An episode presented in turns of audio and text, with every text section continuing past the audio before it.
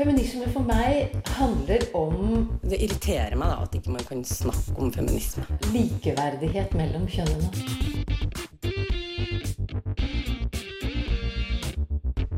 Det blikket på kvinnen på film. handlet det om å bli tatt på alvor som jente. Du hører på Et eget rom på Radio Nova. Målet må være at en skeiv tenåring skal kjenne seg likeverdig i klasserommet, og at politiet gjenkjenner hatkriminalitet, lød ingressen i et debattinnlegg med tittelen 'Derfor trenger vi rosa kompetanse'. I denne utgaven av Et eget rom stiller vi spørsmålet 'Hva er rosa kompetanse'?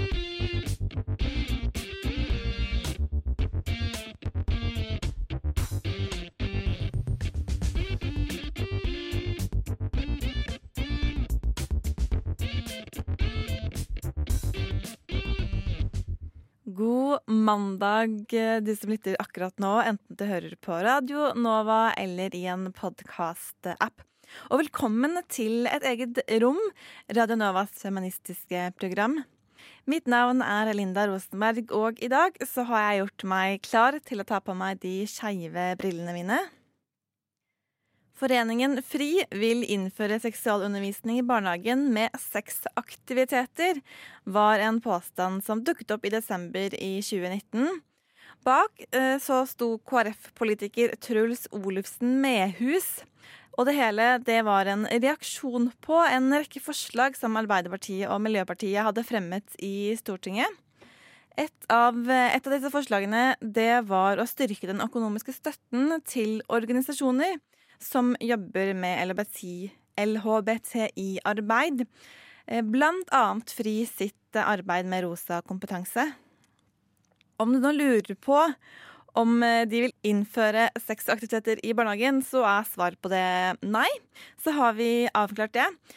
Hva er rosa kompetanse? Det er noe vi spør om i dag. Og den som skal hjelpe oss med å få svar på det, er Hilde Enger Arntzen.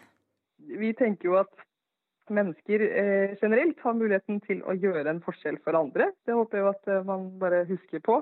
At det ikke alltid skal så innmari mye til da, for å kunne synliggjøre for noen at eh, ja, men jeg syns det er fint at du er den du er, og du kan snakke trygt i møte med meg.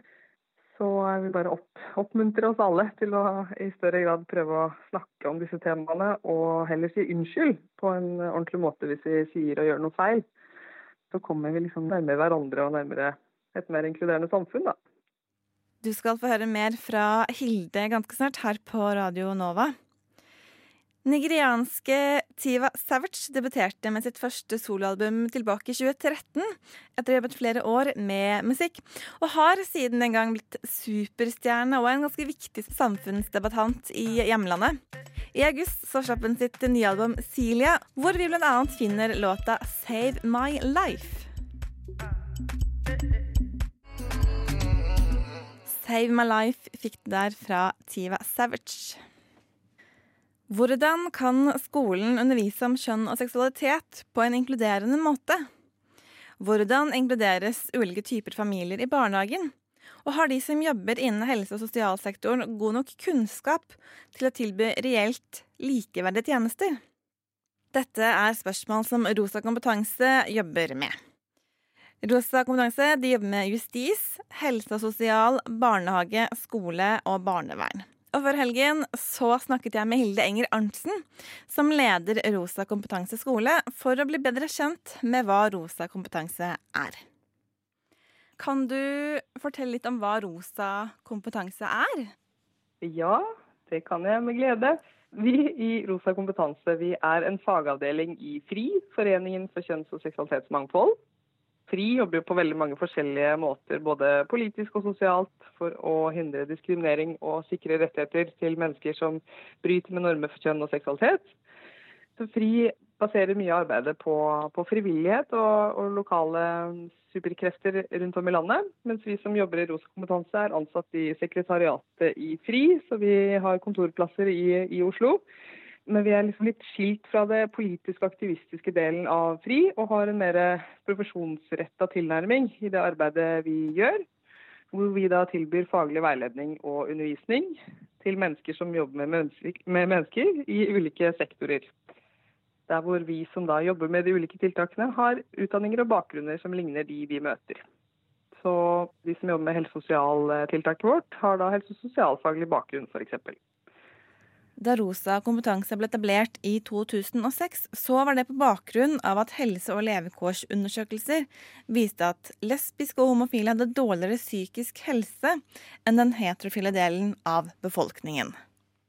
Og så visste man da at i møte med de som skulle hjelpe med de ulike psykiske utfordringene man hadde, så var det ikke nødvendigvis sånn at helse- og sosialsektoren hadde nødvendig kompetanse til å liksom kunne gi rett hjelp til rett tid, da, for å si det veldig enkelt. Så da gikk LLH som frihet da, sammen med Helsedirektoratet, og tenkte hvordan kan vi heve kompetansen sånn at flere da kan snakke trygt, som er vårt motto, eh, i møte med helse- og sosialsektor. Så da ble Rosa kompetanse helse og sosial etablert som et tiltak for å heve kompetansen. Først ble profesjonsorganisasjoner som Sykepleierforbundet og Legeforeningen spurt om hva slags kunnskap de trengte mer kompetanse i når det gjelder seksuell orientering, kjønnsidentitet og kjønnsuttrykk. Og Så etablerte man da formelle samarbeid med mange av disse aktørene. Og så etablerte man en styringsgruppe bestående da av fagfolk som har innmari god kunnskap om kjønn og seksualitet. Og også det fagfeltet man da retter seg mot. Og så ble på en måte kurset Rosa kompetanse etablert. Men eh, det er viktig å si at vi har liksom ikke én kurspakke som vi tilbyr. Vi, vi driver med, med skreddersøm i, i stor, stor, grad, hvor vi prøver å tilpasse hva er det den enkelte trenger å vite, og hvordan kan vi best mulig hjelpe. Opplæringen de tilbyr varierer veldig, enten de holder digitale kurs eller reiser rundt i landet. Men innen skoletiltaket f.eks. så samles enten skoleansatte eller lærerstudenter i alt fra en time til en hel arbeidsdag. Og så tilbyr vi noen faglige perspektiver og erfaringer for å motivere dem til å ha et særskilt fokus på, på, elever som kan være sårbare fordi man bryter med normer for kjønn og seksualitet. Så vi prøver å gi da, et uh, teoretisk utgangspunkt, så vi går gjennom en del sånn forskning, ord og begreper, hva kan være greit å vite om. Litt harde fakta knyttet til temaene vi jobber med. Og så har vi med en del erfaringshistorier. Prøver å koble på empati, sånn at man husker på at det faktisk handler om ekte mennesker. Og så prøver vi å gi noen helt konkrete praktiske verktøy. Hva kan man gjøre, og hva kan vi si? For det er veldig mange som er så livredd for å gjøre og si noe gærent, så da unngår man hele tematikken. Og Der kommer også dette Snakk trygt-mottoet vårt inn. Um, og Det er veldig viktig også i møte med oss som da jobber med tiltakene. At folk faktisk skal få lov til å stille de spørsmålene man faktisk uh, har, uh, uten å bli arrestert og liksom sabla ned for det. Det finnes veldig mye gode, gode intensjoner der ute, men veldig mange aner ikke helt hva, hva man kan si og gjøre. Så da prøver vi å, å møte de uh, i det og motivere til praksisendring istedenfor å beskylde de for dårlige holdninger og lignende. Og det opplever vi er en nyttig tilnærming når eh, man da skal åpne opp for, eh, for ny kunnskap. De fleste som bryter med normene for kjønn og seksualitet, som f.eks. lesbiske, homofile, bifile og transpersoner, lever gode liv i Norge. Men det er likevel noen utfordringer, og det er her målene med Rosa kompetanse kommer inn. Vi ser at det er en del Eh, utfordringen knyttet til storsamfunnets manglende kunnskap da, om, eh, om, ulike måter å oppleve kjønn og seksualitet på. Og Det ser vi da i statistikken knytta til mobbing f.eks., psykisk uhelse. Eh, og Da er det mange som opplever at det er vanskelig å ja, få rom til å være hele seg i hverdagen. Og Da er på en måte det offentlige Norge utrolig viktig. da, Alle vi møter på vår vei. Så Vi ønsker jo da å å gjøre det lettere for skeive folk å leve livene sine der hvor de bor. Ved at vi da retter oss mot de man møter på skolen og man møter på helse, helsekontoret hos legen, i møte med familievernkontoret, i møte med, med, politiet. Vi har jo da disse seks ulike tiltakene rettet mot ulike deler av, av det offentlige og private, også Norge. Sånn at ja, LHBT-personer og andre skeive kan bli møtt med, med, åpenhet og med kunnskap, ikke at det er sånn utrolig tilfeldig hvem man møter på. Når dere er ute og møter folk, studenter, folk i profesjonene sine, dere holder kurs, hva slags tilbakemeldinger er det dere får da? Vi er veldig på en måte bortskjemt med veldig gode tilbakemeldinger på den jobben vi gjør. Eh, vi evaluerer eh, de aller, aller fleste kursene våre, og vi er oppe i 98% sånn totalt sett på tiltakene som syns det er nyttig å møte oss. Og det syns vi er veldig hyggelig, en, en anerkjennelse at vi er gode i jobbene våre. Men jeg tror det først og fremst handler om at veldig mange ønsker å lære, ønsker å være gode menneskemøtere, men så vet de ikke hvordan. Og så kommer vi og så gir vi noen tips, tips og triks i hvordan de kan gjøre det. Uten at man nødvendigvis har studert tverrfaglige kjønnsstudier i forkant. Så vi blir møtt med relativt åpne armer. Og så møter vi selvfølgelig også folk som ikke er helt enig i alt det vi kommer med. Men da prøver vi å fokusere på eh, ikke uenigheten som måtte ligge der, men hva slags jobb de da er satt til å gjøre. Eh, og det syns vi er en veldig nyttig inngangsvinkel. da. Selv om flere har fått kjennskap til dette temaet og åpenheten har blitt større både i storsamfunnet og i mediene, er Hilde likevel usikker på om kunnskapen har økt like mye. Eh, og vi ser at det fortsatt er ganske varierende i hvilken grad man har tilgang på, på faglig forankra kunnskap. Da. Det blir ofte fortsatt litt sånn at man kan føle at man kan noe om det eller kan snakke om det hvis man kjenner noen som er er skeive selv. Da. Og sånn gjør vi det jo ikke med andre liksom, fagrelaterte temaer. Men, Men, det går absolutt i positiv retning sånn generelt i samfunnet, og uh, særlig i Norge. Det må jeg jo bare ha sagt. Men det er fortsatt en jobb å gjøre, det skjer, og det skjer ikke av seg selv. Så sitter dere på kontoret i Oslo og skal da, som du sier, dekke så mye som mulig. Føler dere at dere når ut så mye som dere vil, eller må dere jobbe litt fremdeles med å, å selge inn det dere har å tilby kompetansehevende tiltak? Du, det er litt forskjellig på de ulike tiltakene våre. Noen, noen av tiltakene våre um, trenger vi ikke å jobbe så veldig mye med innsalg på, mens andre felt kan det være litt større utfordringer å, å få forankring i. da. Eh, og så er det først og fremst et ressursspørsmål. At vi søker midler fra direktoratene hvert år, og så mottar vi litt av det vi søker om. og så er ikke det på en måte nok, da. Eh, så vi skulle veldig gjerne ønske at det var litt mer stabilitet rundt de tilskuddsordningene. Eh, nå nevnte du jo dette med Det, det koster litt penger å, å, drive et sånt opplegg. Og for mange så er jo én ting er å få et kurs, men så skal det jo implementeres kanskje etterpå. Det er kanskje der den store jobben ligger. Har dere overskudd til å liksom følge opp når noen har vært på et kurs, og hvordan de implementerer den kunnskapen de får i ettertid? Ja, Der er det også litt, eh, litt forskjellige måter å gjøre det på. En av de mest helhetlige kompetansehevingspakkene som Rosa kompetanse er en del av, er i Oslo. Her er Rosa kompetanse en del av skoleopplaget til Fri Oslo og Viken og Skeiv kunnskap. Der er det sånn at de ansatte i Skeiv kunnskap de går inn på ledernivå, altså skoleledelsen på en skole. Så kommer vi i Rosa kompetanse skole inn til, til lærerne, og så kommer Skeiv ungdom med sitt flotte undervisningsopplegg i Restart til elevene. Og så i etterkant at vi har vært inne på alle nivåer, så tar de ansatte i Skeiv kunnskap en ny runde med skoleledelsen og legger en plan for hva, hva blir veien videre nå for da nettopp implementering. Vi ser at altså, Inkluderings- og mangfoldsarbeid det er jo ikke noe man liksom kan vedta at uh, man har gjort, og i hvert fall ikke heller ved å ha hatt en time med oss eller tre timer eller hva det skulle være. Det er et uh, kontinuerlig arbeid som må, må, forankres og jobbes med over tid. Og vi i Rosa kompetanse, vi, det er ikke sånn at vi Eh, sertifiserer noen i, i, å bli rosa-kompetente for alltid, eller noe sånt. Eh, vi er veldig sånn ærlige på at vi, man blir aldri ferdig kompetent i noe noen gang, men at vi kan være et bidrag da, inn i det arbeidet som må gjøres hver dag, eh, og som eies av de som, som jobber der til vanlig. Med ujevne mellomrom har det kommet mye kritikk mot Rosa kompetanse som fagavdeling. Og de har flere ganger måttet gå ut og oppklare misforståelser og misoppfatninger. Ja, det tok jo litt eh, energi og tid, det. Absolutt. Men vi opplever jo det at, at ved at eh, noen av våre største meningsmotstandere setter søkelyset veldig på oss, så gir jo det oss en anledning til å fortelle mer om hva vi faktisk gjør. Som kanskje da når andre som ikke nødvendigvis hadde hørt om oss fra før av. Så Vi så jo det i fjor f.eks. når eh, når vi ble liksom faktasjekka med faktisk.no, at det var en del som, som, leste den saken som ikke hadde fått med seg diskusjonen som hadde vært i forkant.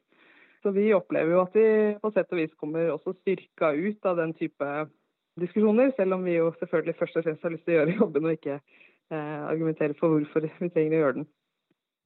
Selv om Rosa kompetanse utarbeider noe ressurser selv, så viser de også i stor grad til andres ressurser og opplegg.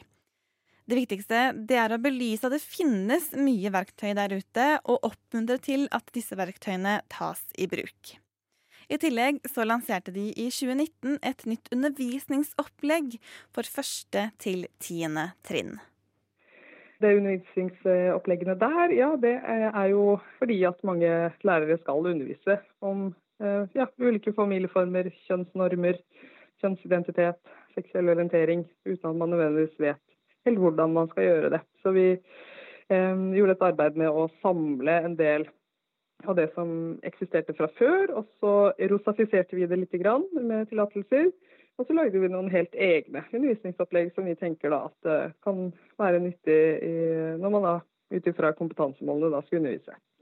Og Der driver vi og reviderer den nå, fordi det har jo kommet fagfornyelsen nå hvor folkehelse og livsmestring jo heldigvis er et nytt tverrgående tema som skal gjennomsyre alle fag. Der hvor kjønn og seksualitet også er en, en sentral del av de temaene.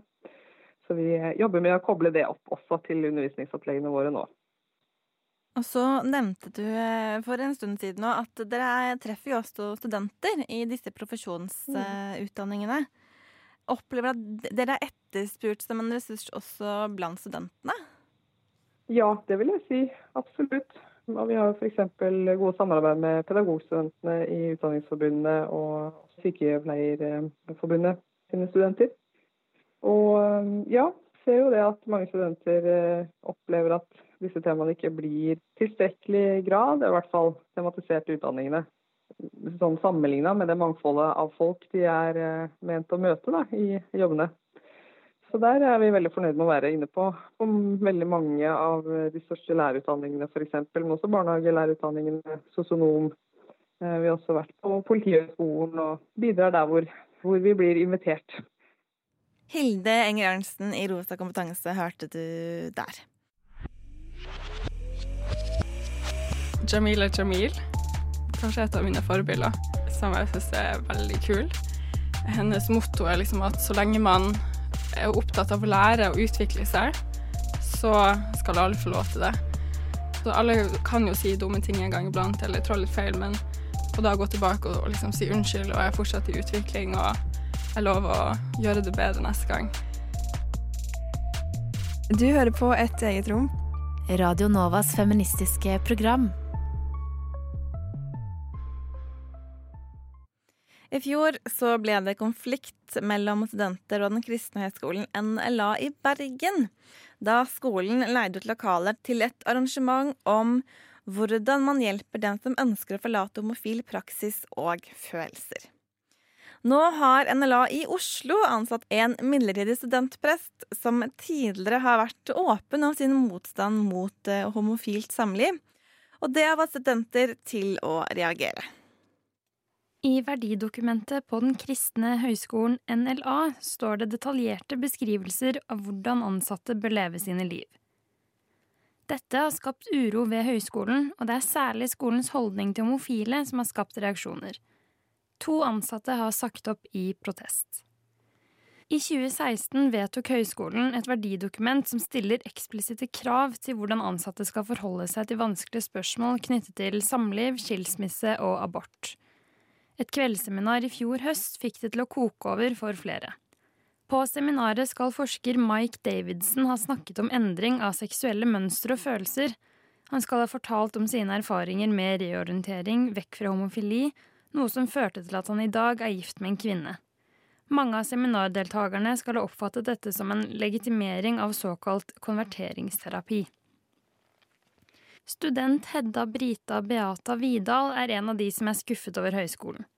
Hun sier at hun startet på NLA med troen om at de grunnleggende verdiene som inkludering, nestekjærlighet og menneskeverd var noe de var enige om, men at hun tok feil.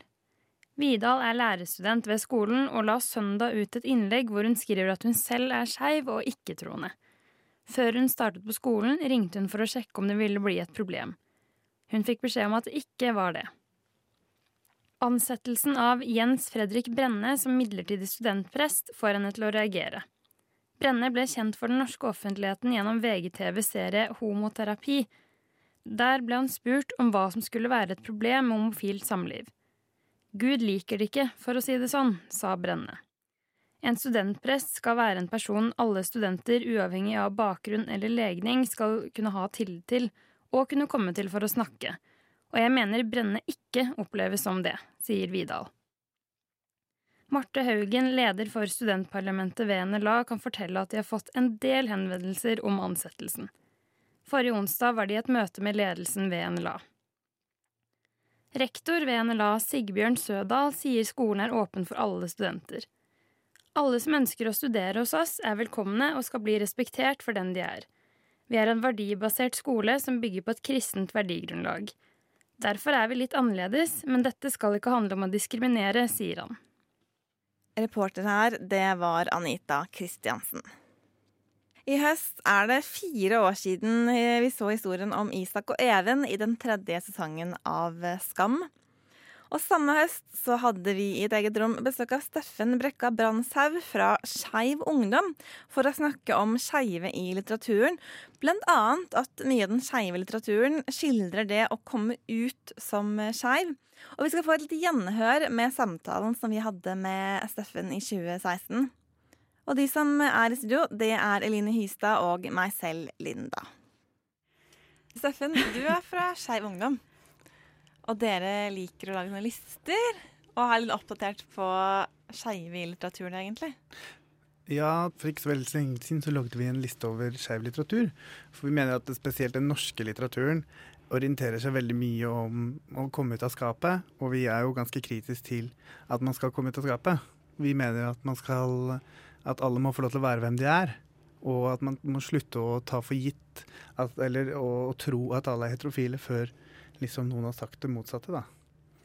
Men er det sånn også i litteraturen at når man skriver om homofile, så er det det som er tematikken? At de skal komme ut eller innse det selv, istedenfor at de bare At det er en del av personen, men er ikke det boken egentlig handler om?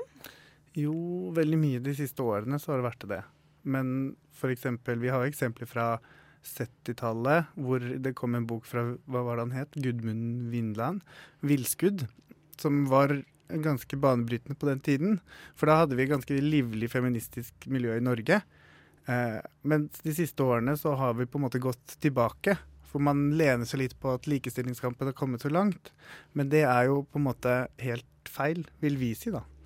For man trenger alternativer til å komme til å skape, og vi må snakke om andre ting enn det å komme ut.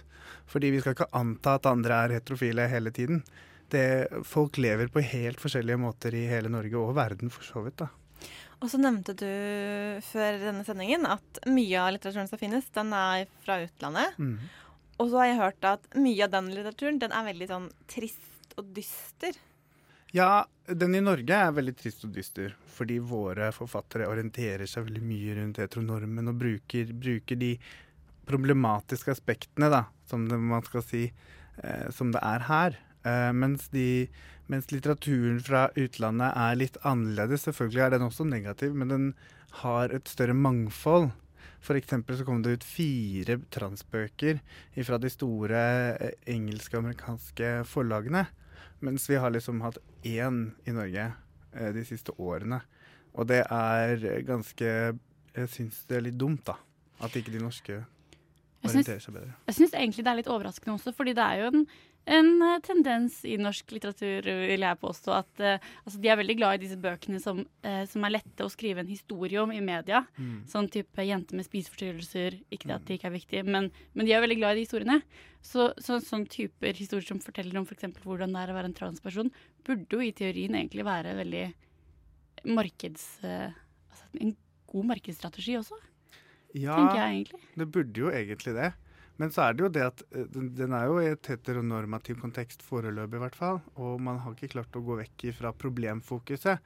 Man burde heller gå inn på, på ressursfokuset, og det kan være mulig også å skape ressursfokus. Sånn som Store deler av Skam handler jo ikke nødvendigvis om at Isak er homo, men det handler jo om eh, relasjonen mellom Isak og Even også. Og det er jo veldig viktig.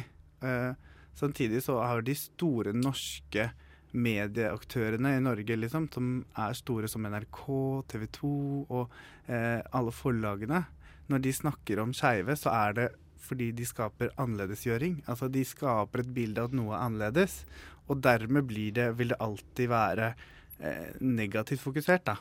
Vi vil heller ha eh, et større mangfold og mye mer positivt fokusert. At, eh, og, og, kanskje bedre representere det som faktisk leves. Fordi det er veldig mange som lever på utkanten av heteronormen. Så dere tenker egentlig at litteraturen om skeive speiler egentlig ikke virkeligheten på noen god måte? Ja, det er helt riktig. Akkurat det vi tenker. Og dermed får vi jo problemer når man leser litteratur, for alle vil jo lese bøker som er interessante. Men eh, da må man jo også skape eh, interessant litteratur som også representerer mangfoldet i befolkningen og i verden. Men denne, dette problemfokuset, er det også med på å lage litt sånne stereotypier om homofile mennesker? Eller er det større mangfold i personligheten til menneskene, selv om det er problemfokuset som er sentralt? Det er problemfokuset som er sentralt, og det blir jo, blir jo, på en måte en underbygging av alle stereotypier og generaliseringer. Så det er jo ikke noe gøy. Vi leser jo Vi ser jo sakene som blir gjort, og f.eks. den der 'Komme ut av skapet'-serien til NRK.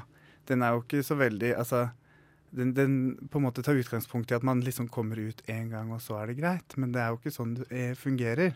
Og vi er jo kritiske til at det skal være sånn. Vi vil jo at man skal slippe å komme ut. Men nå, Det er mulig jeg tar litt feil, men jeg har fått inntrykk av at det er flere norske ungdomsbøker enn voksenbøker hvis vi skal gjøre det skillet, som handler om homofile og det å komme ut, eller den prosessen. Er det et inntrykk som du også deler, Steffen? Ja, det er det jo. Og, og, men vi syns jo ikke det er så veldig positivt, fordi det, det, liksom, det bidrar jo til at man blir føyd inn i den strømmen om å liksom du skal være annerledes, du skal komme ut. ikke sant? Du må fortelle andre om deg selv. Du må være mer åpen og, bla, og sånne ting. Og det er jo veldig problematisk hvis man skal få reell likestilling.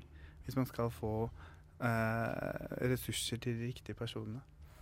Men kan det også handle om at det er lettere å, å lage målgrupper for ungdom enn å skrive om et sånt tema for en voksen gruppe? Jo. Jo, det er jo lettere å lage målgrupper. Og det er jo det som er hele kommersialiseringen liksom sin, sitt store aber. da, At de liker å skape og sette oss i båser. Og det er jo sånn både reklamebransjen, filmbransjen og litteraturbransjen fungerer. Men det betyr ikke at de skal få lov til å gå uten kritikk. Vi må være flere som sier ifra til dem at det er ikke greit. Eh, dere må skrive om faktisk eh, liv som leves, ikke de båsene og generaliseringene dere selv opplever. da. Og så har jeg forstått at det er veldig mye fakta, særlig i Norge. Mm. Meste, meste litteraturen vi har i Norge er faktabasert, og i, kanskje selvbiografier. Eh, og de er jo bra, det er jo ikke noe veien for det. Men, men vi trenger jo også eh, fantasifulle romaner som går utenfor heteronormen. Og fantasifulle noveller som går utenfor heteronormen er jo veldig fint. Mens når du snakker om å komme, ska, komme ut av skapet, og når du snakker om å, å, å, være transperson og bruke de begrepene, så blir du innenfor heteronormen, da. Du, du føyer deg etter den samme linja som tidligere. Det er ikke noe endring. Så man klarer egentlig ikke å bryte gjennom denne annerledesheten i litteraturen, selv om den har alle muligheter for å, å gjøre det? Jo, man kan jo det, men da må du lese litt tidligere, tidligere bøker. Man fra, fra 70-tallet og 80-tallet, hvor det var bedre, sterkere feministiske føringer i Norge. Hvor det var mye, mye, mye mer kreative miljøer, vil jeg si. da. Men så er det jo, man trenger ikke gå lenger enn å dra til eh, forlagene fra USA og England. Så finner du jo mer transperspektiver, og det er jo kjempeinteressant. Og de er jo ofte mer positivt fokusert enn det det er i Norge. Har du, noen, har du noen eksempler? Noen bra lesetips? Ja, jeg har det. Ved meg. Jeg har skrevet det ned i dag, eller i går, var det vel. Fem bøker som jeg eh, tok med. 'Villskudd', selvfølgelig, fra Gudmund Vinland. Bilde av Dorian Gray, Oscar Wilde. De er jo mørke bøker, men de er fortsatt interessante. Eh, 'Tyvens dagbok' fra Jean Genet, som er fransk. Og 'Satyricon' og 'Giovannis rom' fra James Baldwin. Og det som er felles for de fleste skeive romanene, eller disse romanene, er jo fokuset på sex. Og fokuset på sex mellom menn. Og det bidrar jo også til Jeg sier ikke at dette er nødvendigvis noe bra, fordi det bidrar til eh, den derre eh, normen om at det bare er menn som har sex, f.eks. Det kommer i bøker også. Mm, Dette er i hvert fall gode romaner som er veldig anerkjent. Men man kan finne andre romaner som jeg ikke vet om. Jeg tenkte på den der eh, Virginia Woolf-boka. Ja. Hva er den heter den, Linda? Orlando, da. Orlando. Har du lest den, Steffen? Nei. Den er ganske fascinerende, for der er, det bare skjer et sånt kjønnsskifte helt sånn gradvis sømløst nesten gjennom hele romanen. Mm. Fra en karakter som er Ung tenåringsgutt. Han er vel 15-16 år i starten. Og når boken slutter, så er han i 30-årene og er blitt en kvinne. mm. Så fantastisk. Ja. Og det også er det, det er veldig lite hokus pokus. Du må nesten følge med veldig godt for å skjønne at det skjer. Det bare liksom skjer. Helt sånn, ja. Ja, Han våkner vel opp en dag, og så er han bare blitt kvinne. Da er den prosessen fullført. Så bra. Men dere har, har ligger ei liste ute på, på deres nettsider? Mm, til skeivungdom.no så finnes det en annen nettside, eh, skeivbok.no. Den har ikke Skeiv Ungdom, men det er en annen en som har laget den. Der kan du jo kjøpe bøker også, og der er det ganske mange titler som ligger ute. Steffen Brekka Brandtzæg fra Skeiv Ungdom var det som fortalte om skeive i litteraturen. Har du lyst eh, på noen flere boktips, så er det slik at i forrige uke så kom blikk.no med en liste med tolv historier fra det siste tiåret om ungdomsforelskelser. Og som de mener går rett inn i den skeive bokhylla. Så den kan du også sjekke ut.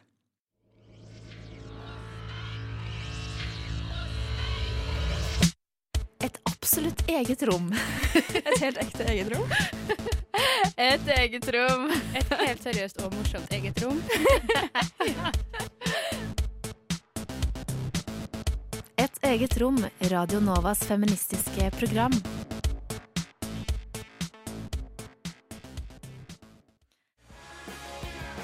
Cosmic Cave av X6 hører du her i et eget rom. Førstkommende lørdag så markeres verdens prevensjonsdag på Deichman i Bjørvika med tema Den revolusjonerende pillen. For i år er det nemlig 60 år siden at p-pillen ble godkjent i USA. Og p-pillen er også tema neste uke her i et eh, eget eh, rom. Eh, Og bare for å ha sagt det, jeg tror det fremdeles er mulig å melde seg på arrangementet hos Deichman.